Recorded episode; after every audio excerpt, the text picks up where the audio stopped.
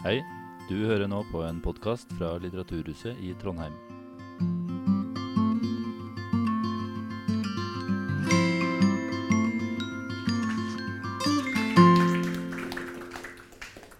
Tusen, tusen takk. Og takk til alle dere som har dukket opp her i kveld. Det setter vi alltid veldig stor pris på.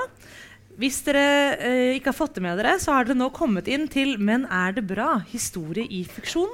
Hvor vi i kveld skal diskutere tre eh, utgivelser i den norske skjønnlitterære faunaen. Én eh, oversatt, men dog, eh, i løpet av det siste året. Som altså griper tak i historiske hendelser eller personer eh, eller verk. Eh, og baker det inn i skjønnlitteratur. Det er tre romaner som står på agendaen i kveld. Det er Elin Tinholt, 'Naturstudiets nødvendighet'. Og så har vi 'Kvinnen som samlet verden' av Eva Tind. Og til slutt Gunhild, kona til Eirik Blodøks av Gunhild Øye Haug.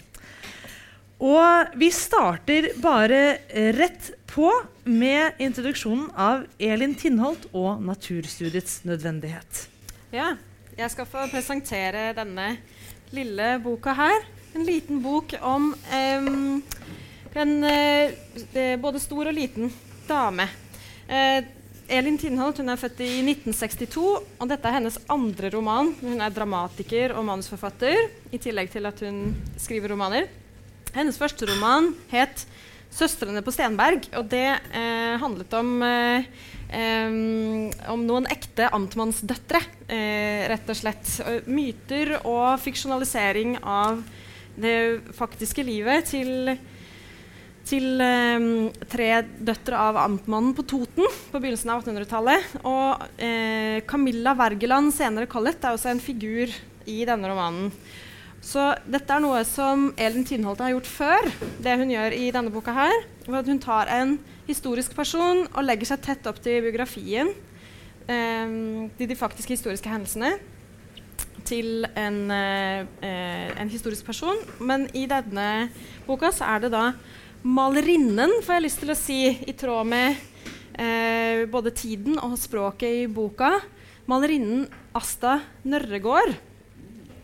Eh, Asta Nørregård eh, hadde en lysende start på karrieren sin da hun som 28-åring ble bedt om, bestilt av henne, at hun skulle male altertavlen i nye Gjøvik kirke. Og da var hun den første kvinnen i Norges historie, og blant svært få, jeg vet ikke hvor få, i kunsthistorien generelt, som har fått et sånt oppdrag. Så hun var en stigende stjerne. Og det Eh, eh, bildet på forsiden her det er da en detalj fra den altertavlen.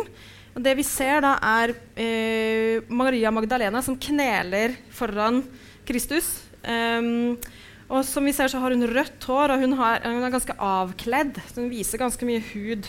Og dette var et radikalt valg.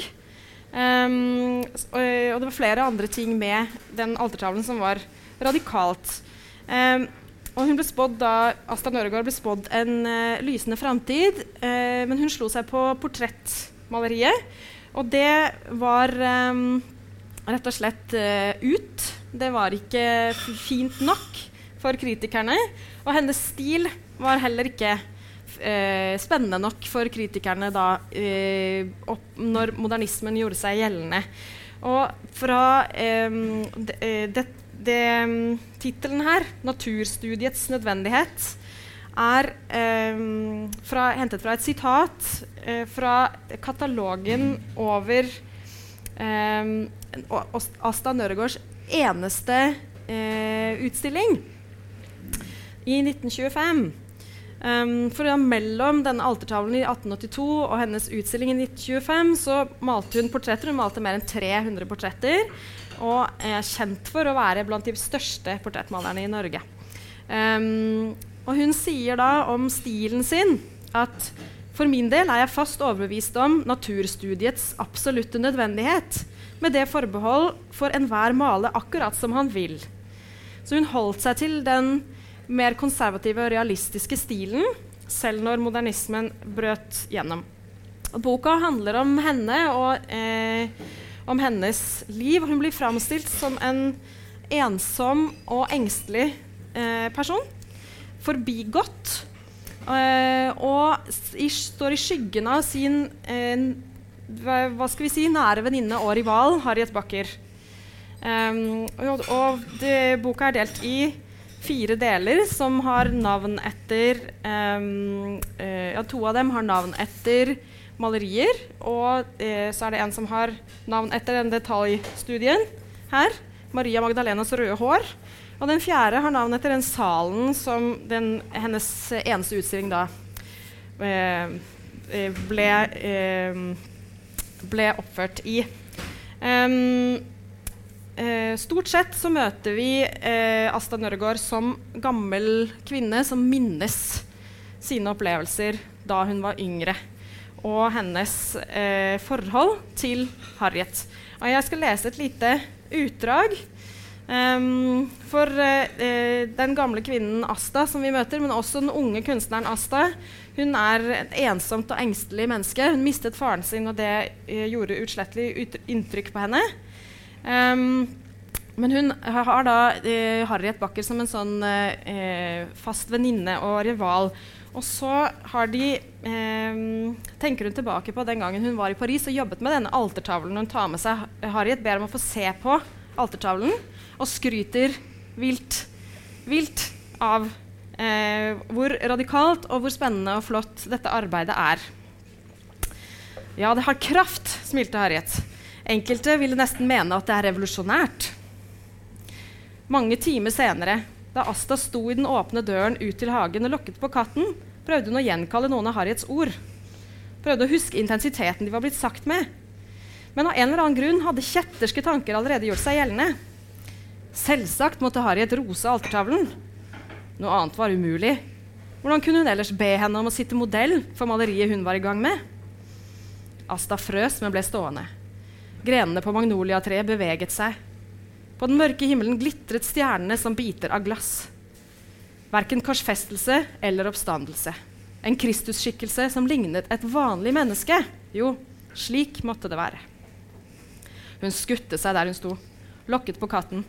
Stemmen hennes lød fremmed, spinkel, som stemmen til en ung pike. Kom da, Puss. Kom, da. Og endelig, der dukket den opp fra mørket bykset frem mot henne. Hun løftet den opp, trykket katten inntil seg. Så varm den var.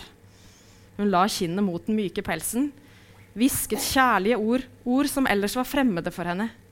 Også hun hadde slike ord i seg. Milde, ømme, varme. Så lett det var å hviske slike kjærlige ord til en katt. Så lett når hun sto alene i mørket og ingen kunne høre henne. Og jeg valgte dette utdraget fordi dette er det eneste stedet i hele romanen at Asta, hovedpersonen, opplever noen form for varme og tilhørighet til et annet levende menneske. Um, og det som disse tre bøkene her har til felles, da, blant mange andre ting, er at de eh, eh, bærer dette her feministiske prosjektet at man skal løfte fram kvinner som ikke er så løftet så kjent, eh, eller som har stått i skyggen av andre. Og, eh, så det er da det spørsmålet jeg vil åpne med. I hvilken grad opplever vi at Asta Nørgaard blir løftet fram i denne skildringen her? Uh, nei, jeg synes at uh, En på? Ja. ja. Jeg synes jo først og fremst at hun blir løfta frem på en veldig nesten uh, omsorgsfull måte og veldig omtenksom måte, vil jeg mene. At det er et ganske mangefasettert portrett av den dama her. Um, jeg fikk iallfall opptil flere ganger inntrykket om at, om at hun kanskje er nesten en slags upålitelig uh, forteller til henne.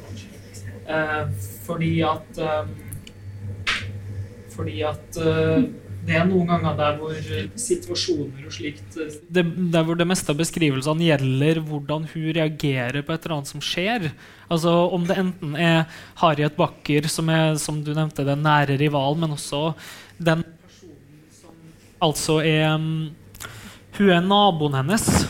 Så det er nesten en litt sånn flau distanse mellom at de er naboer, men du får aldri møte Harriet Backer. Mm, så det, den der, det er nesten vonde avstanden. Og flere situasjoner i boka oppstår pga. hvordan Asta Norge reagerer på ting som skjer rundt henne. Um, men jeg tok meg sjøl i å tenke det at hva om det her bare er i hennes hode? Flere ganger. Ja, jeg, si, jeg, synes, jeg, var litt irritert på denne boka. For jeg var så til å være et gjenerkjennelsesprosjekt. Det, er jo, uh, det er på en måte fint da, at da viser du ikke denne personen som strålende. Men gud, så irriterende Asta Nørgaard er. Jeg syns ikke hun virker noe sympatisk. Så, hun virker veldig forsmådd. Jeg er så forbigått, jeg er så trist. Ingen forstår meg. Stakkars, stakkars meg. Alle ser bare Harriet, Harriet, Harriet, Harriet en Olavsorden, Harriet har et fakkeltog, Harriet har en utstilling, Harriet har alt, jeg har ingenting. Jeg syns det er veldig mye av det, og jeg syns det, det, er for mye. Jeg synes dette gjør litt sånn Asta Nørregård en bjørnetjeneste. Sånn, Nå skal jeg løfte Asta Nørregård fram. Og så synes jeg stakkars lille Asta Nøregård Ikke stakkars lille, men nettopp det. jeg synes hun, hun sier selv hun vil ikke bli noe stakkars lille, men jeg synes forfatteren gjør henne litt stakkars lille. fordi alt, det er nettopp som du sier, alle omgivelser, alle kommentarer Hun er veldig nervøs, så alt blir veldig sånn dette, altså, hun har et annet, Harriet hadde en gang sagt at Asta malte på samme vis som hun sydde. Det var nok ment som et kompliment, men av en eller annen grunn hadde ordene virket sårende. Det er den måten hun tar til seg alt rundt seg. Er, er, og Det kan godt hende at det er sant, og det er sånn hun følte det. at det på en måte er adekvat, Men jeg synes at det får mye mer plass i romanen enn det hun faktisk får til. Eh, og jeg synes også at det er for lite liksom, sanselighet og nærhet til de maleriene og de tingene hun gjør. At det blir for mye fokus på hennes følelse av å bli misforstått av omgivelsene, og ikke så på mye av det hun faktisk eh, gjør. Bortsett fra kanskje det ene kapitlet som handler om den altertavlen. Eh, hvor jeg føler at den motbøren hun får der, den er så konkret. Mm. Den er så mye.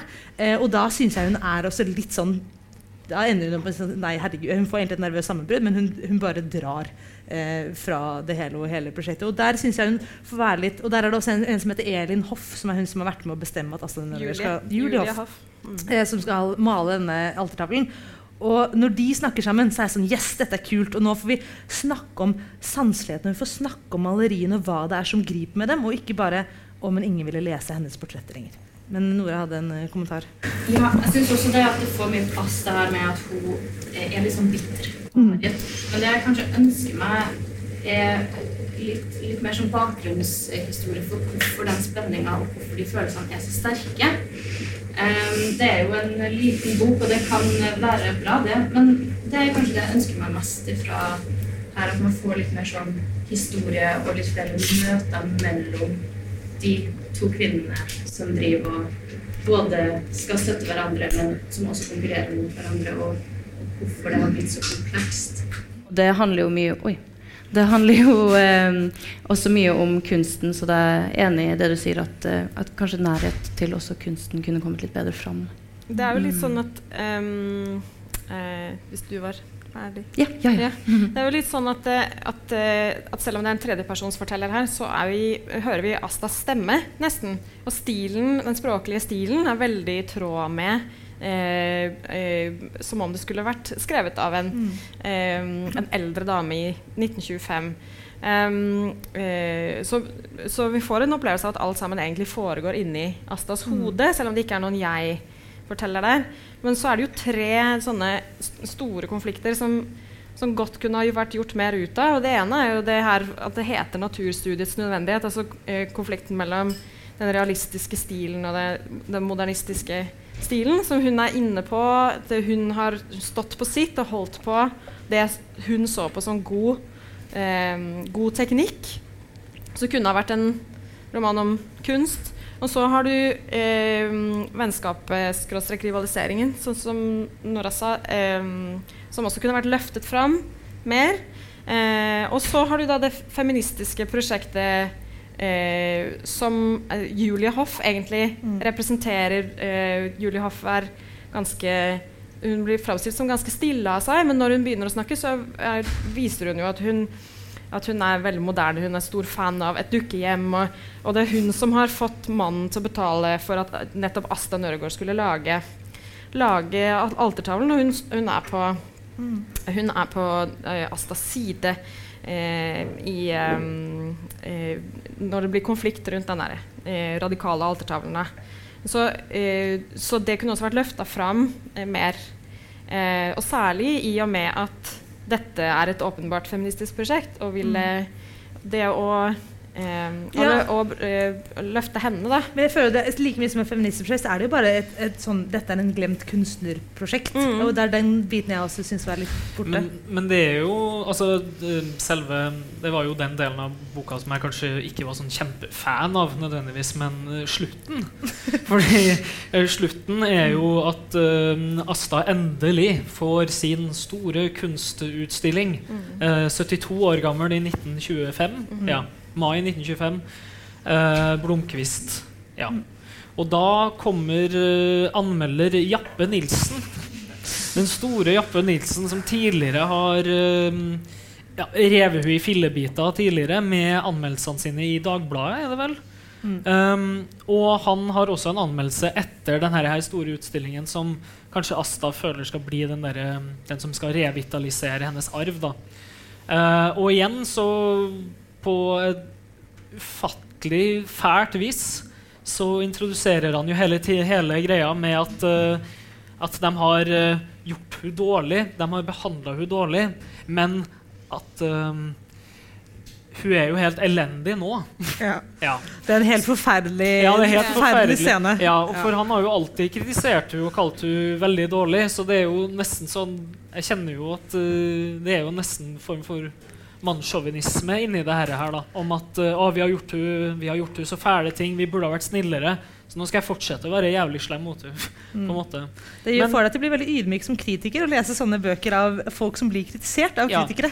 Men, men poenget mitt som tok litt lang tid å komme til, det var det at um, Det avslutter jo med at hun fremdeles Altså tappert fortsetter å jobbe med maleriet sitt. Og det er der det avslutter. Mm. Så der er altså jeg vil jo ikke, Det er jo kanskje litt flaut å si at det er nesten en sånn her girl power-måte å ende det på, men faktisk da at du blir revet sønder og sammen av den type nesten matriarkat som Jappe Nilsen representerer, og at det pågangsmotet fremdeles fortsetter. Mm. Og det er jo også hennes kompromissløshet. Eh, Når jeg prøvde å se om det er noen anmeldelser som har skrevet den, så er det nettopp det som på en måte egentlig skal være nesten Astas kval eh, liksom kvalitet. At sånn på tvers av for Har, Det er også noe som Nea Bakke ja, Bakker lar seg så lett Harriet Bakken lar seg så lett liksom, påvirke av disse franske impresjonistene. Hun liksom begynner å bry seg om hva de syns, mens jeg har alltid liksom holdt på det som er viktig. Og jeg synes jo også det, Vanne Siri sa det, Denne tittelen var jo egentlig noe av grunnen til at jeg hadde lyst til å lese boka. 'Naturstudiets nødvendighet'. Jeg syns den er kjempevakker. Og så ble jeg jo da, må jeg innrømme, litt skuffet når det eh, var noe Asta hadde skrevet selv. Um, for jeg synes jeg, Det var eh, sist egentlig hadde vært fint å slutte der, Truls, men jeg vil bare høre hva dere syns om språket i denne boka helt til slutt. For det er en ting jeg tenkte mye på. Uh, Anne Sigrid har snakket om at stilen er veldig sånn Det er en gammel dame som snakker på 1920-tallet. Um, og jeg For meg så er det kanskje det som sånn, Jeg syns det er enkelte passasjer i denne boka som er kjempeinteressante og fine. Særlig kanskje når hun jobber med altertavlen. Liksom, det er jo når, vi ikke, når vi er mer i den unge, håpefulle nåtiden enn den bitre framtiden. Eh, men jeg synes språket er veldig vanskelig å eh, liksom eh, dras videre av. Det er veldig, veldig stakkato. Veldig kort. Veldig sånne eh, Uff, å ligge slik rett ut på divanen når hun egentlig skulle arbeide. Eh, kommentarer og for et sjokk dødsfallet faren hadde vært. Og hun var selvfølgelig blitt ras... Altså, det er veldig sånn konstaterende stakkato-språk. Og jeg klarer liksom ikke helt å slå meg til ro med det. Men er det bare fint for tidskoloritten? Jeg syns at det er troverdig, Ja. egentlig. Um, jeg synes at uh, skildringene av by, urbane, det syns jeg var flott. Ja. Og det er jo en del av språk, det òg. Mm. nå snakker vi om koloritt også, da. Mm. Det syns jeg var en av de bedre delene av den koloritten. da. Det er sant Paris, eh, eh, Paris-delen. Nei, Eh, Oslo! Det var jo eh, jo, men, Gamle eh, Oslo! Jeg vil eh, eh, eh, Ja, den også. Men eh, eh, Paris eh, ser man vel, så jeg i hvert fall le veldig levende for meg. Mm. Mm. Det, Ja, det, var det bare, det er det jeg som har hengt meg opp. Jeg syns språket var nemlig veldig sånn platt, og det irriterte meg, for jeg hadde liksom lyst på mye som er så sanselighet. Eh, men det er bra at vi er uenige, for det betyr at det er forskjellige lesere kan få forskjellige ting ut av Naturhusets nødvendighet. Og det håper vi jo at også at man kan ut av 'Kvinnen som samlet verden' av Eva Tind, som er om nok en ganske kompromissløs kvinne, vil jeg si. Så da er det bare å Yes. Eh, 'Kvinnen som samlet verden' det er en eh, historisk roman skrevet av en dansk forfatter som heter Eva Tind. Eh, hun har tidligere gitt ut noen diktsamlinger, men eh, hun har også gitt ut et par romaner før. Eh, den har, så vidt jeg har fått med meg, fått veldig gode omtalelser denne boka her. Eh, og den handler om den danske zoologen Marie Hammer, som ble født i 1907 og døde i 2002. Eh, Marie Hammer var en vitenskapskvinne som oppnådde ganske mye anerkjennelse og respekt for sitt arbeid. Eh, fordi hun spesialiserte seg nemlig på mosemidd. Og hennes eh, mål med forskninga si var å kunne bevise at alle kontinentene en gang har hengt i lag. Ehm, og ja, hva skal man si Hun ehm, Det er ikke bare en fortelling om liksom, hun som forsker eh, og um, alt som hun interesserte seg for og sånn. Det er også en veldig eh, kan man si, fyldig fortelling eh, om en mor, en søster, en kone eh, og en kvinne eh, med en fot i både forskningsverden og i familielivet. Og hva liksom det krevde av henne på denne her tida. Og absolutt da konsekvensene valgene hennes fikk for, eh, for familien, kanskje spesielt.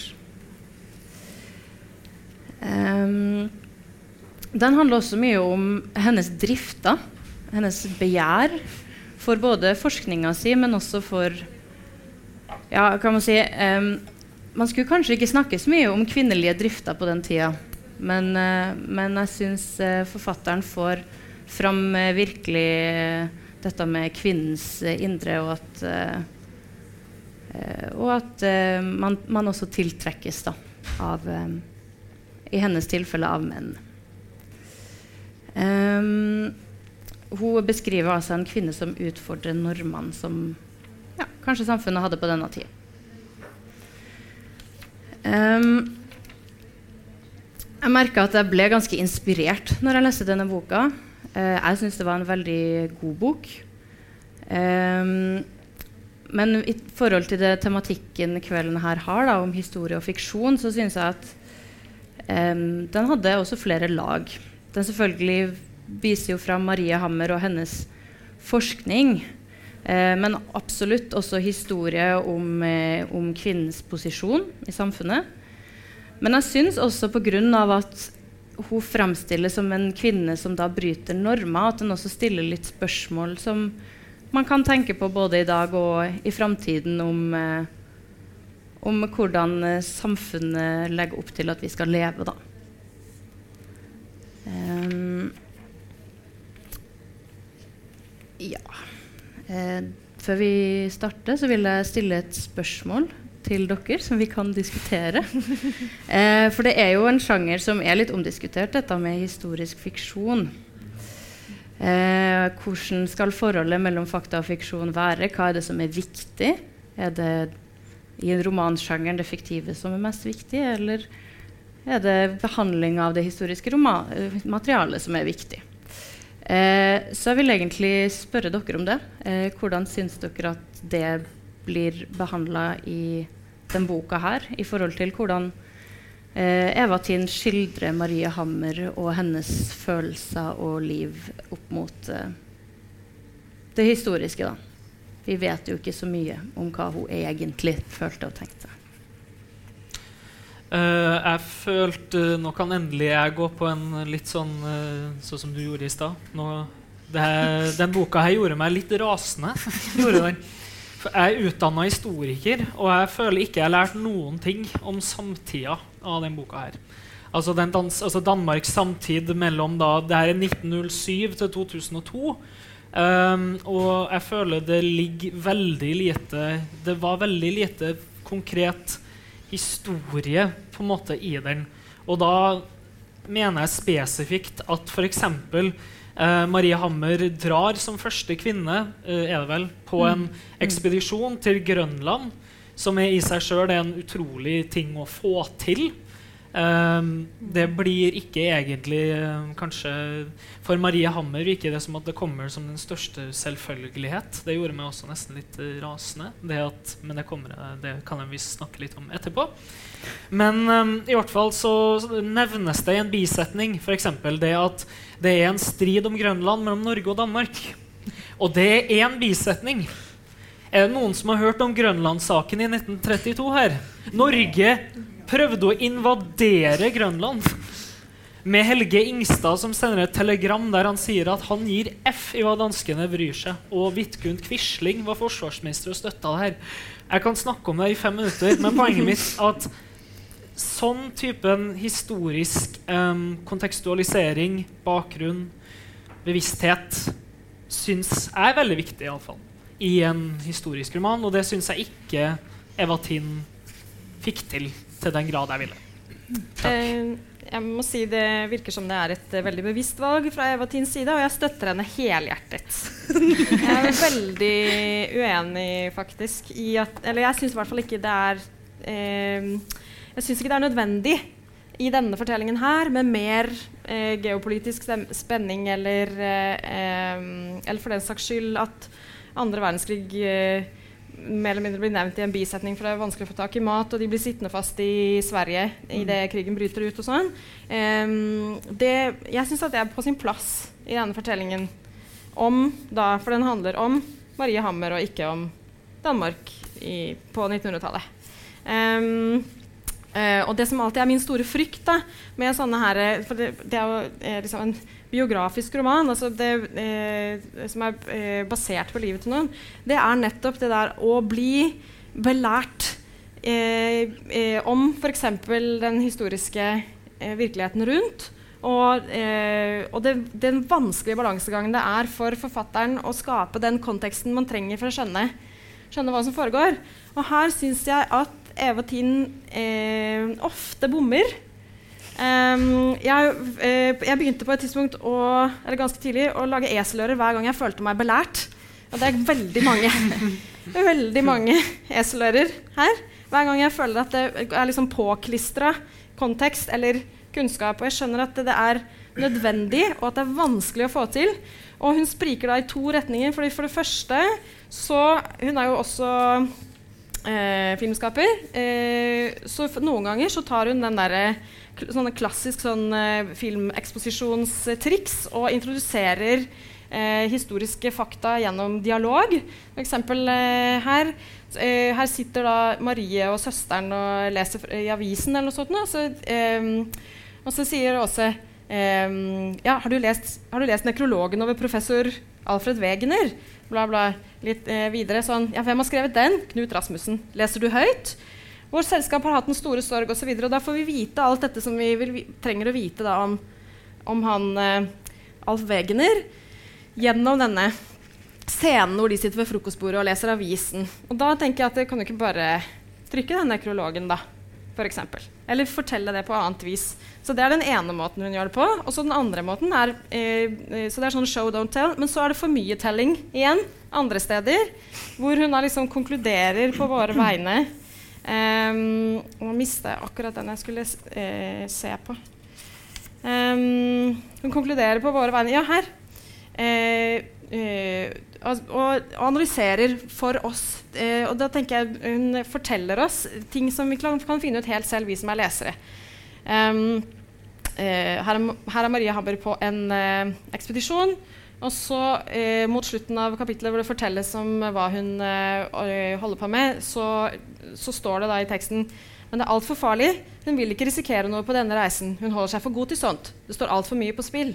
Mennene respekterer henne nettopp fordi hun ikke bruker seksualiteten sin. Hun må ha ro til å jobbe. Det er viktigere enn alt annet. Og ja, vet du hva? Det visste jeg faktisk. Da jeg kom til side 171, så visste jeg det. At uh, det å ha ro til å jobbe er viktigere enn alt annet. Fordi at det, det visste jeg uh, ut fra alt vi har fått høre om Marie Hammer tidligere. Dette her er kjempevanskelig, så jeg skjønner at uh, at Jeg vet ikke helt hvordan Eva Tind skulle ha fått det til på Mm. en annen måte. Men, fordi, eh, men det er det, i begge retninger så syns jeg hun bommer da, på hvordan hun setter inn den konteksten vi trenger. Og så har hun disse her eh, delene som heter Maries notisbok. Mm. Og da er det sånn, apropos forholdet mellom historie og fiksjon, til å begynne med så lurer man er dette utdrag fra den faktiske notisboken. Så de første kanskje to-tre innslagene så tenkte jeg det må jo være det. Men så kom det et dikt som eh, smakte veldig av fortellerstemmen til forfatteren. Så tenkte jeg nei, da kan det ikke være det. Og så i etterordet så kommer det frem at det er ikke det. Men de framstår ofte som rene feltnotater, og andre ganger så brukes det til å introdusere den konteksten ehm, man trenger å vite, f.eks. om eh, eh, teorien om kontinentaldriften og sånn. Ehm, og det eh, virker jo heller ikke sannsynlig at hun ville ha skrevet det i notisboken sin, fordi for henne er det barnelærdom i praksis. Eller altså, det, er det er veldig sånn basic i hennes vitenskapelige felt. Da. Så sånn sett så spriker denne boka i Ja, lever er akkurat ikke basic i hennes eh, felt. Det er derfor hun er så jækla opptatt av å Jo, bevise. ja, vil ikke, ikke, akkurat, ikke akkurat det med kontinentaldriften, men f.eks. Eh, om eh, ganske, ganske basic ting om evolusjon, hvordan evolusjonen Ja, ja. fungerer. Um, men og, eh, sånn sett er det jo egentlig ikke framhevet nok at hvor radikalt det var, det hun gjorde. Da. Det for, forsvinner Ja, altså, nesten litt. for det er vel kanskje den ene tingen dere nå i hvert fall er enige om. Det her er det forskjellige angrep på Eva Tinds metode og sammensetning av denne boka, egentlig. Eh, men dere er begge enige i, eh, i at eh, Herregud, hva var det du sa på slutten der nå? Nå Hva jeg ja. Uredeligheten, nei. Hva var det dere snakket om? Unnskyld. altså måten den historiske konteksten blir presentert på. At det spriker Nei, at det ikke, ikke, at det ikke er nok eh, At det ikke blir Ja. framhevet nok at det er eh, banebrytende. Unnskyld. Ja. Mistet helt tråden min. Ja. Det er dere enige i, og Truls hadde en kommentar til det. skjønner jeg. Så, eh, Ja, nei, at uh, det er et veldig spesifikt sted i boka der hvor uh, det, det er det som um, Det er mye show, don't tell. Det er jeg fullstendig enig med. Men også det der, der med um, kontekstualiseringen av kvinnens rolle på tida der. Blir, det fikk is, ikke jeg med meg i alle fall veldig mye at det skjer. Så når da Marie Hammer skal få publisert en bok sammen med sin søster, og en redaktør sier at uh, um, i noe i den duren av at Men det selger ikke å være to kvinner som forfattere. Og hun sier hva slags rolle spiller det, da? Og da er jeg jo fullstendig med på at, uh, på at man må kunne liksom si det. At ja, men hva slags rolle spiller det? Jeg er dame. Men det som jeg fikk inntrykk av, var det at, at det nesten skal være en sånn derre Marie Hammer og hen, altså hennes samtid og kjønnsrolle blir ikke formidla i det hele tatt før det.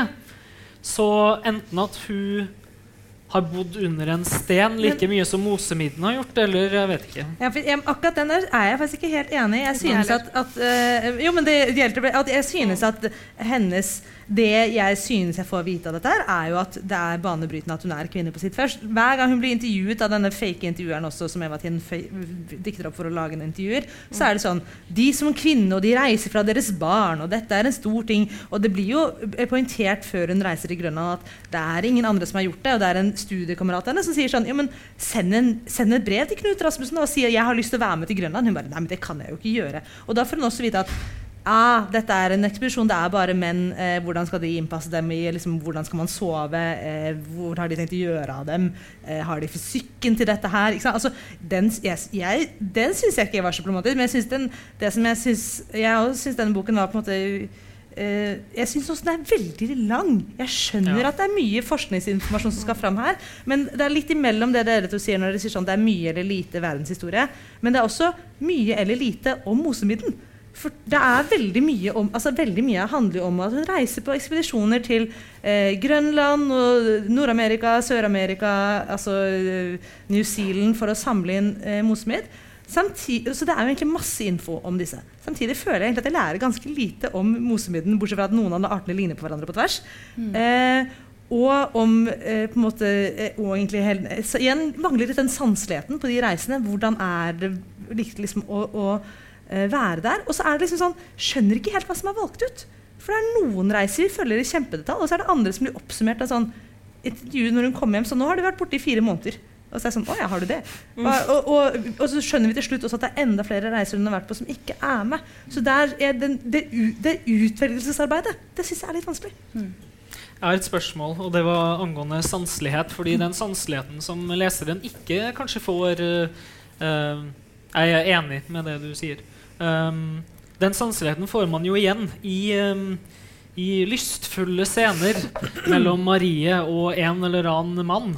Så det som er spørsmålet mitt, er Synes dere de scenene funka, eller om de var som jeg syns dritflaue? Og jeg håper de er 100% ekte, fordi de er så liksom klisjé. Og det er ikke nødvendigvis et problem å være klisjé heller, fordi noen må arrestere meg hvis jeg tar feil på dette her. Jeg tror bl.a. Trude Marstein har snakka om at klisjé er på en måte vanlig, en vanlig del av på en måte vår opplevelse og hva mennesker sier. og sånne ting. Så noen ganger så er jo livet skikkelig flaut. Noen ganger er hva folk sier, skikkelig flaut. Men hvis det her er på en måte dikta opp, så kjenner jeg at det kvier meg enormt mye. Jeg, jeg lurte litt på hvorfor det var med. Nettopp som Er det sånn, er det fordi det, For Hun sier hun har snakket med barna og hun har lest notatbøkene. Sånn, er det sånn eh, at dette var noe Jeg satser jo på det. da At Marie Hammer gikk rundt og følte på det at hun hadde en sterk seksualdrift, og at den ikke ble imøtekommet av de mennene hun møtte, at hun ikke hadde noe sted å gjøre det. At det var på en måte viktig for henne. Det håper jeg. Hvis ikke så skjønner jeg ikke hvorfor det er med. Eh, men jeg syns også de, de, de liksom scenene ikke nødvendigvis var sånn Det er litt sånn påklistra. Det er mye med språket, men kan jeg få lov til bare liksom tar den over til noe jeg syns er veldig fint? For nå syns jeg vi har sagt mye om det vi ikke liker. Eh, for det er også mye i dette språket jeg ikke liker så godt. Sånn at det er litt sånn oppstyllet og veldig mye sånn forklarlig, men det kommer fram til. Men det er enkelte bilder hun har som jeg Ja. synes er veldig, veldig fine. Og som jeg blir veldig glad når det dukker opp. Fordi de skiller seg liksom fra denne sånn Nå skal jeg forklare dette, som hun har både i dialog og ikke. Hun har for eksempel et bilde om at i flere generasjoner har kvinnene i familien hennes gått gjennom livet i triste skjørt som nesten umerkelig har byttet ut seg selv. Som en sånn grunn til at hvorfor hun eh, liksom ikke er så opptatt av dette med klærne, men kjenner på en måte på en lede over det. For hun, hun er vakker nå, men hun blir mer og mer en potetsekk. Og så skal det bare bli noen sånne skjørter som, eh, som bytter ut seg selv. Og et annet sted så faller kjolen på henne som en spotlight gjennom et hull i en sky. Og det skjer så plutselig at det kortslutter noe i henne. Og humøret letter som en dum høne som ikke kan fly, men som prøver. Og synes, Den syns jeg egentlig var kjempedum, men jeg koser meg. Og det, jeg, det, er noen opptakter der til at det er litt gøy. Altså, jeg må si, eh, jeg har jo vært eh, kritisk nå, men jeg slukte denne boka. Det var, eh, jeg, jeg fikk den i hendene og bare åh, den var lang. Og så forsvant den jo bare. Jeg virkelig spiste den opp. Var, jeg syns det var en eh, page-turner. Jeg hadde mye å utsette på både språket og stilen og, og oppbygningen underveis, men det er nå engang litteraturviterens sykdom. Um, men jeg synes det, var en, det var en skikkelig bra sånn feriebok. rett og slett. Jeg ville ha kost meg glugg i hjel med å lese denne her på sommerferie. Um, og, men jeg syns også språklig eh, spriker den også i, uh, i mange retninger. Og det er f.eks. store mengder similer. Veldig mye som om det her og som om dette. Og, og um, apropos det med seksualdriften, jeg lurer litt på om det altså En ting er det kan være at hun har hørt historier, altså at Eva Tind faktisk har hørt historier eh, om eh, Marie Hammers seksualdrift. Det vet vi jo ikke. Men, men jeg lurer på om det er en del av eh, den generelle tendens i framstillingen her, nemlig at, eh, å gjøre Marie Hammer til et sånn stereotypisk mannlig kunstner- eller forskergeni. Um, for det syns jeg det er mye av her. Eh, hun er kompromissløs, ja. Det er bare midden som gjelder. Hun har, ja, hun har den sterke seksualdriften. Hun har eh, en tiltrekningskraft, altså hun har draget. Eh, vi, får vi inntrykk av. Um, I oppveksten, barndomsskildringene her, så er hun allerede en fullbefaren forsker, og det hun er opptatt av, er eh, eh, som barn er det hun kommer til å være opptatt av senere. Altså eh, eh, de, de flytter til et, sted, eh, et, et nytt sted ute på landet når, i hennes oppvekst. Og da, og da de, de er syv barn, og de er syv myr, myrhull. Så de, de har liksom hvert sitt myrhull som de kan, em, som de kan holde på med og, og drive undersøkelser. Eh, og hun er, hun er så målrettet hele tiden. Og, eh, og hun er nyskapende, og hun går imot altså det, eh, det er helt eh, sånn klassisk sånn kunstnergenimyte. Den romantiske forsker- eller kunstnergeniet, da. Em, som, eh, som hun er, og så er hun eh, uheldig nok til å bli født som kvinne, eh, kan man vel nesten si er en sånn, en sånn overskrift på framstillingen av, av henne. Da. Og da passer det veldig godt at man også har en, har en sterk seksualdrift. Ja. ja, det kan, det kan eh, absolutt godt hende. Jeg syns også det var en sånn litt sånn interessant, for det er, det er veldig mye brudd med familien her. Både liksom oppvekstfamilien og sin egen familie. Og eh, litt sånn bitter når det kommer sånn familiære ting som at eh, hennes, barn skal, altså hennes datter skal ha barn i veien for at hun skal få lov til å fortelle om sin nyeste mosemiddelforskning. Mm. Det er liksom, nå kommer dette ufødte barnet og Ja, tar det også er noe ukvinnelig Ja, ikke sant? Hun, Mm. det, tror det, du kan ha noe rett i det at det er en sånn men det, ja, det er kanskje nesten litt langt igjen, da. At, uh, litt sånn som med Asta, at jeg synes at eh, kanskje er det litt sånn bjørnetennelse mot Marie Hammer uh, at hun skal bli så stereotyp i andre liksom, leiren igjen enn det hun egentlig er. Det er. jo en bragd da, å ha- skrive en sånn bok. Og det står i etterordet her at det fantes ikke et eneste bilde av Maria Hammer på Nei. internett da Eva Tind begynte med, begynte med researchen. Og, eh, og hun må ha gjort enormt arbeid for å avdekke hele Mm. dette livet, som uten tvil er et veldig veldig interessant liv. Mm. Så, det, eh, så det er jo Ja, det er, det er en prestasjon, og det er, eh, og det er viktig. Mm. Mm. Og det er også, men det synes jeg siste note nå, før vi går videre, som jeg har lyst til å bare slenge inn, da, som jeg synes var morsomt da jeg søkte litt om dette før i dag. Eh, på det norske coveret så er det kanskje noe sånn arktisk eh, is, jeg vet ikke, eller om det er jord, eller hva det egentlig er for noe. På både det danske og det svenske så er det bilde av Marie Hammer. Så der har eh, nordmennene bestemt seg for at vi skal ta en annen vri på nettopp hva som inkluderes. Det syns jeg var litt interessant. Vi skal over til en annen bok som jeg må innrømme at jeg synes har et veldig trist cover. Eh, 'Gunhild, kona til Eirik Blodøks' av Gunhild Øyehaug. Ja. Gunhild Øyehaug hun er da født i 1978. Det er den ene tingen jeg ikke noterte ned, men jeg tror, eh, tror det. Hun er da det som man kan kalle for en eh, jack of all traits. Siden 1998, så siden da hun kom ut med en diktsamling, så har hun kommet ut med romaner, diktsamlinger, novellesamlinger, skuespill, inkludert den her, og da filmmanus og essaysamlinger. Um, og um, spesielt i 2008 så gjorde hun seg bemerka med romanenes 'Blinke vente', som ble en massiv suksess for hun som forfatter, og fikk masse gode anmeldelser. Den ble nominert til Brageprisen. Når den ble oversatt i 2012 til engelsk, tror jeg, ja, så ble den nominert til National Book Award i USA, som er da den gjeveste prisen, vil jeg tro, ved siden av da Pulitzer-prisen. Så det er ganske svært.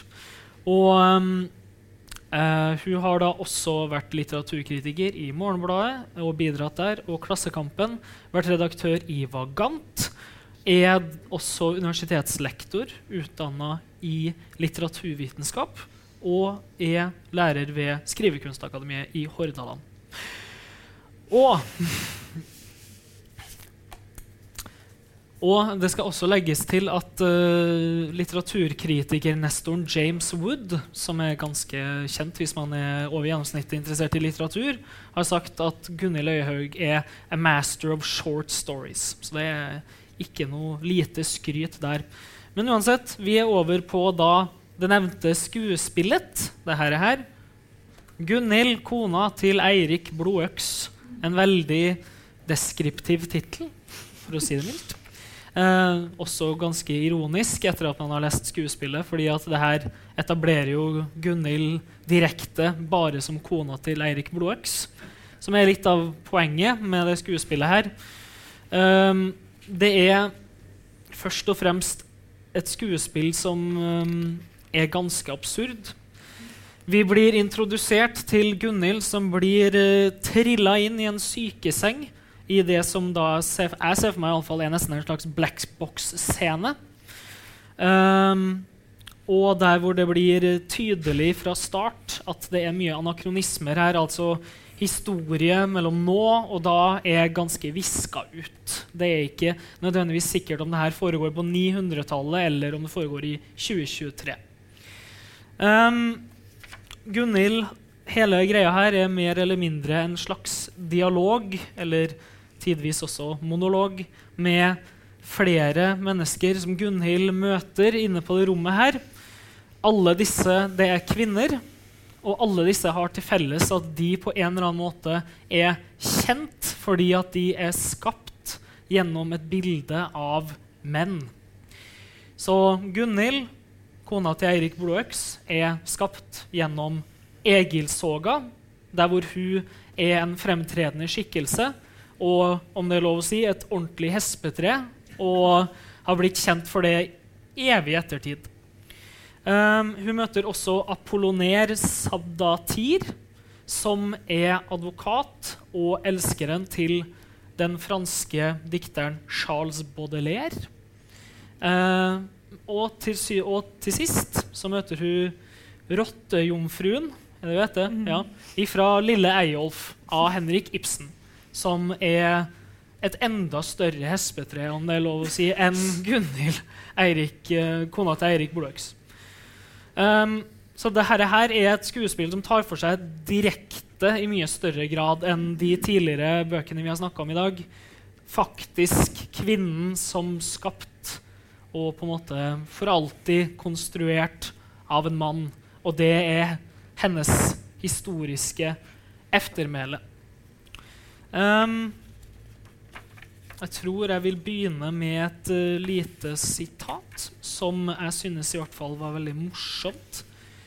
Um, det her er da en liten introduksjon som nå har da Apollonia Sabatir kommet inn i rommet, og Gunhild og hun snakker sammen. Uh, og det blir plutselig en uh, litt sånn skremmende stillhet i rommet. Og Gunhild roper 'hysj' fordi hun tror hun kan føle at Egil Skallagrimsson, altså han som skrev om Egilsoga. Um, det er riktig? Ja, ja han, han, dikter jo han dikter, men, det, er jo, det er Snorre som vi mener har skrevet det. Snorre, sorry. Ja. Men han dikter, han er dikter i Egilsoga. Og det er ja. Egilsoga Den personen som har i hvert fall ødelagt hennes ettermæle, ja.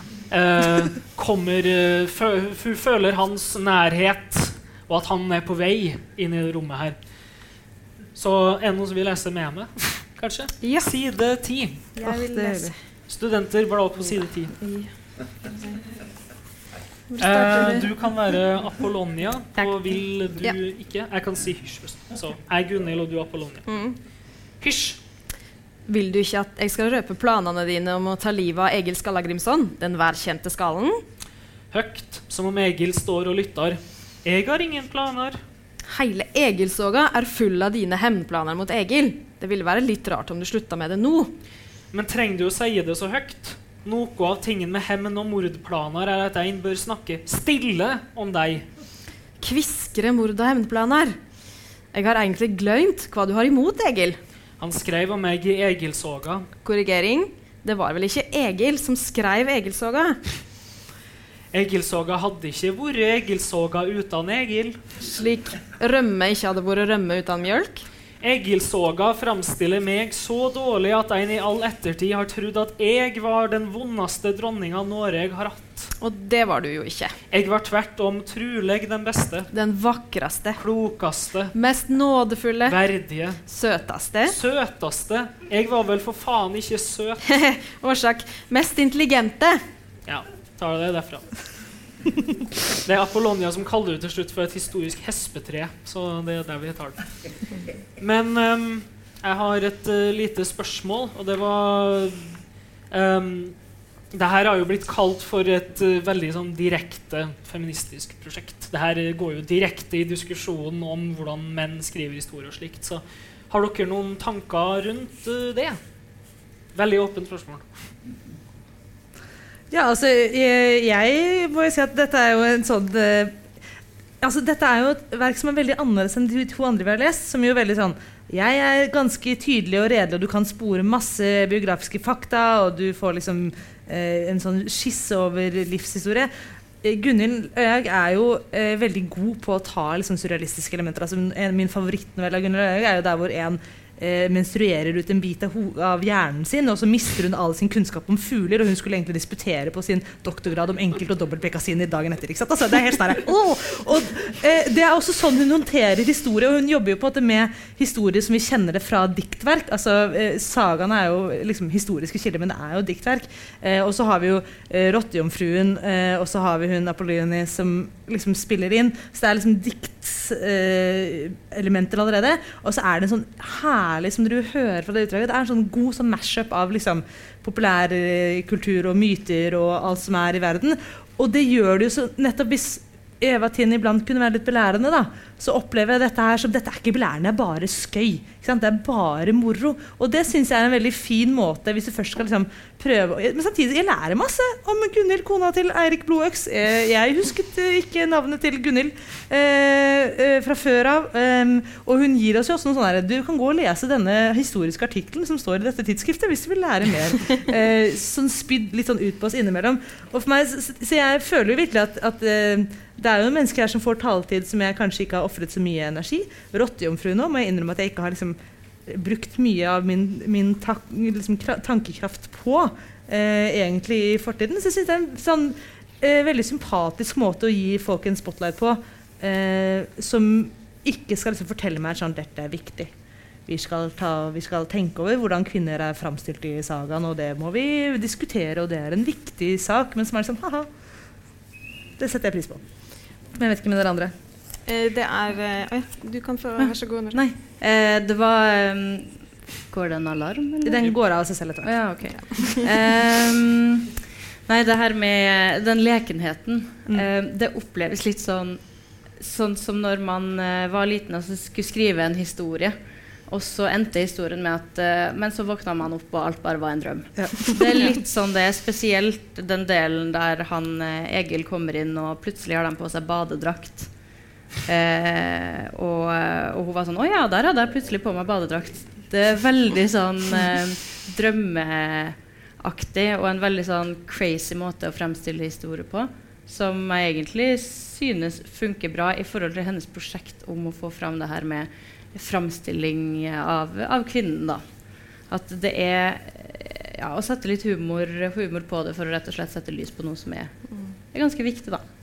Ja, det, ehm, eh, det er jo noe som heter å være a writer's writer. Og jeg, jeg har alltid syntes at Gunhild Øyehaug er veldig en forfatternes forfatter. At, eh, en som skriver til andre som skriver, og skriver til andre som er veldig beleste. Og dette her er et, eh, et eh, litteraturstudentenes Mm. Um, det framstår som nesten som et sånt oppgjør med eh, eh, eh, bachelorgraden, eller eh, om, det, om det het bachelorgraden da, og hennes, hennes utdanning i litteraturvitenskap og nordisk. Um, eh, både med de som er trukket fram, altså eh, eh, Baudelaires eh, Apollonia, som eh, eh, eh, Kostymet som Apollonia skal ha på seg, er litt sånn, litt sånn harry, vulgært, sexy. Og samme gjelder Gunhild selv. Um, hun har på seg Hva er det hun har på seg? Gunhild river av seg nattkjolen, står det. Under har hun ei powersuit-versjon av ei brynje, skråstrek, en dronningkjole i blå og stålgrå paljetter, lår, lårkort. Apollonia kommer. Apollonia er til dømes kledd i en svart kjole med tynne stropper over skuldrene, en stor grå fuskeboa og høghæla sko. Hun har trøtte, franske smoky eyes. Så her er det, spilles det på mange sånne eh, kvinnefigurklisjeer på én gang. Um, og så kommer da eh, Rottejomfruen, og, og det blir på en måte gjort en sånn analyse av Rottejomfruen. Eh, hvem Rottejomfruen eh, er, og hvorfor hun er som hun er, og eh, hva bakgrunnen var. For Ibsen har fortalt at det var inspirert av ehm, eh, hans grandtante, som var- blitt forsmådd av sin forlovede i oppveksten. Um, og eh, vet, eh, hva, det dette her egentlig min, minnet meg litt om, det var eh, Barbie-filmen. Faktisk. Eh, fordi at eh, eh, det er litt, et litt lignende feministisk prosjekt. At man, man tar et oppgjør med og spiller på veldig mange myter av, fra mange forskjellige lag av kultur fra, i kulturhistorien. Um, både velkjente og ikke så kjente. Og så kommer man hele tiden tilbake, kommer tilbake til dette alt, alt det man tror kvinner er, eller tror kvinner skal være, eller eh, den der monologen som snur alt i Barbie-filmen. Det, det opplever jeg at dette stykket også er egentlig eh, eh, inneholder det samme. Mm. Eh, at kvinner må være alt, og kvinner har blitt bedt om å være alt og blitt framstilt på veldig spesifikke måter. Uh, ja. Speaking av å bli eh, fremstilt på veldig spesifikke måter, det er jo kanskje det som er utvalget av disse karakterene, er jo det at de har blitt representert på veldig tydelig forskjellige måter som nesten de representerer hver sin kategori. nesten At du har Apolloner som har blitt sett på som en sånn eh, ja, løs, løssluppen dame.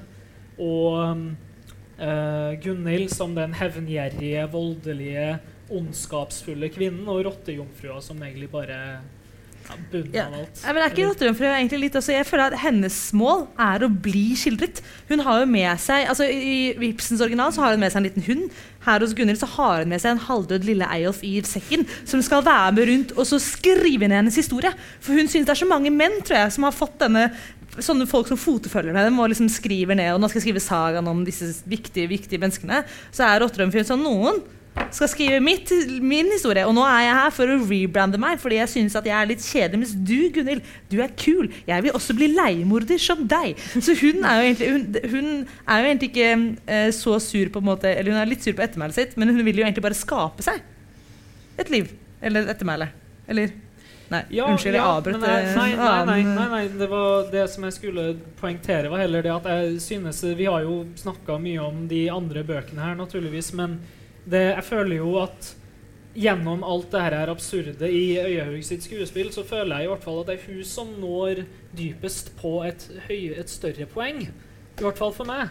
Og det var, oi, såpass. Det er i hvert fall for meg, og det var det som du nevnte litt nå. Det der med at um, Rottejomfrua har jo en monolog der jeg i hvert fall fikk litt inntrykk av at av at hun nesten kjefter litt på Gunhild om at, om at hennes ettermæle er jo ikke så jævla gæli uansett. på en måte. Fordi hun er jo liksom Du er litt sånn badass, på en måte. Mens hennes er liksom bare at hun er litt sånn fæl og tarvelig og skitten og hele greia. Og da så jeg nesten litt sånn klasse, klassekritikk inni her et eller annet sted. Nesten litt klassekonflikt. Om at det er liksom den derre adelige og de store menneskene får et ettermæle som er liksom mye mer varende. Og ja, det er litt sånn dårlig, men, men hva med mitt ettermæle? på en måte? Hva med min historie, som ikke er adelig og alt det der? Og enda en ting at Gunhild, Øye, Gunhild unnskyld, kona til Eirik Blodøks sin, sin historie har jo, som det nevnes på slutten, siden Halvdan Kots artikkel i 1946 Nå nerder jeg veldig mye som historiker, men poenget er at Snorre, Snorre vet man at man ikke kan ta helt seriøst, på en måte. Mens rottejomfrua og den tanten til Ibsen, de lever på en måte evig i Ibsen. Skjønner du hva jeg mener? Som litt sånn skittige karakterer. Jeg vet ikke.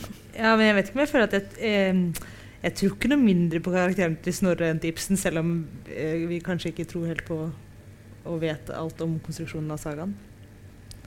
Men eh, Tror du, tror du Gunhild var så fæl som Snorre skal ha ut det? Nei, men karakteren Gunhild er så fæl ja, ja, som. Snorre skal Altså Jo, jo, jo. jo. Og Rottejomfruen er jo en Selv om grandtanta Ibsen antagelig levde. Men, eh, men det er jo igjen Det, det er på en måte sånn twice removed-følelse. Ja, ja. Eh, tenker jeg. Men det, tenkte, når vi må egentlig lande nesten, uh, Gunhild, eh, kona til Eirik Blåks, men jeg tenkte litt på det når Anne Siri sa dette, at dette er forfatternes forfatter og kanskje litteraturstudentens forfatter. Hvordan er det å lese Gunhild, kona til Eirik Blåøks, og ikke være historie- eller litteraturstudent, og ikke kunne så mye om sagaene våre, eller om Baudelaire, eller eh, om Ibsen? Ja. Eh, tror dere man lærer Skjønner man ting? Lærer man noe? Nei, det tror jeg ikke. Nei, eller eh, Jeg, jeg syns dette er ganske innforstått. Og em, nå er det jo riktignok et eh, eh, Ja, det er jo et drama, og det er vel meningen at det skal settes opp, eller har vært eh, satt opp. Det vet jeg ikke. Eh, det som jo, Apropos eh, eh, en sånn Freudian slip, nesten, som Truls hadde her. Når man sitter og leser det, så er det veldig lett å lese Gunhild og Gunhild At Gunhild snakker på vegne av Gunhild, men egentlig på vegne av seg selv. Um, må jeg si. Men det da blir jo ikke like tydelig eh, på scenen, kanskje. Men ellers så er det jo eh, tatt veldig mange veldig mange sånne episke teatergrep i teksten. Altså veldig mange brudd med illusjonen. Eh, som både skaper komedie og som hele tiden eh, iscenesetter, rett og slett. Eh, at eh, dette er jo bare tull. Det er jo bare drama. Og eh, eh, f.eks. når de eh, når de på, har på seg badetøy og, og plutselig er, befinner seg i et svømmebasseng, så, så snakker de jo om ja men, eh, ja, men hvis det er sånt lys her nå, da må jo det bety at vi befinner oss i et svømmebasseng. Um, og, det blir, eh, og det blir sagt eh, veldig direkte og konkret at men jeg vil også ha en spott. Hvorfor? Jeg vil ha en spott, og den skal være lilla. For jeg heks, og hekser har alltid lilla spott. Um, eh, så det er også veldig sånn innforstått. Så det er ikke bare en, ikke bare en litteraturviternes tekst, men det er også en teatergåernes, teaterpublikummets tekst, vil jeg si. Jeg, jeg tror du sliter hvis du skal skrive historieprøve eller nordisk litteraturprøve, og du skriver at rottejomfrua i Lille Eyolf og Gunhild, ei- kona til Erik Bløks, gikk på nordisk sammen. Ja. Og satt, og satt på lesesal i flere år, og hun var sjalu for matboksen hennes og slikt. Ja. Så Ja, for det skjer også. De, går, de studerer ifølge denne boka nordisk sammen. Og, Ja. eh, anakronismefest. ja. Mm. det, er, det er mye som går på tvers. Det er veldig gøy, da. Det er veldig morsomt. Altså, Jeg, bare For å avslutte litt der, da. Det kommer jo helt an på hva du mener med å lære av den. altså selvfølgelig, Historie lærer man kanskje ikke så mye av, men det absolutt syns jeg at det kan sette i gang eh, ting man selvfølgelig har tenkt på før, men den skaper i hvert fall samtale. Det gjør den. Og hvis man hadde sett den på en scene, så tror jeg også at eh, både ikke-historikere og ikke-litteraturvitere hadde eh, fått samtale ut av, eh, av denne teksten, som man absolutt kunne lære av. Mm. I Etterlyd så står det at de har fått eh, hjelp av Det Norske Teatret til å utarbeide teksten, så jeg håper at denne kommer på Det Norske Teatret. Da må vi alle dra på studietur dit og så ta med våre innsikter eh, videre. Men nå har vi kommet til det fantastiske avsluttende spørsmålet som er Men er det bra? Folkens, nå kan dere få lov til å gå gjennom kort, kort, kort disse tre ulike bøkene og fortelle om eller hva eller hva ikke som er bra i disse tre verkene. Og da tror jeg Nora som sitter lengst meg skal få starte. Yes. Eh, jeg skal ikke legge skjul på at jeg syns eh, 'Kvinnen som samlet verden' var, var bra. Jeg syns det. Jeg er også enig i kritikken som kom, men alt eh, samla sett så ble jeg veldig grepet av den boka. Eh, 'Naturstudiets nødvendighet' eh, vet ikke helt. Syns den hadde noen mangler innholdsmessig eh, som på en måte skapte en, eh, en kjempegod leseropplevelse, men absolutt eh, fin å lese. Den her endra Inntrykket mitt av den eh, Gunhild, kona til Erik Blåøks, endra seg mens vi satt og prata. Eh, og jeg syns det, det var bedre etter vi har snakka om det nå, enn jeg synes når jeg leste den tidligere denne uka. Du ble indoktrinert. Ja. Um, begynner med ja, naturstudiets nødvendighet. Eh, I motsetning til eh, alle dere andre så synes jeg det her var en av de bedre leseopplevelsene jeg faktisk hadde. Det er sannsynligvis for jeg er veldig svak for gode urbane skildringer og historiske eh, romaner. da.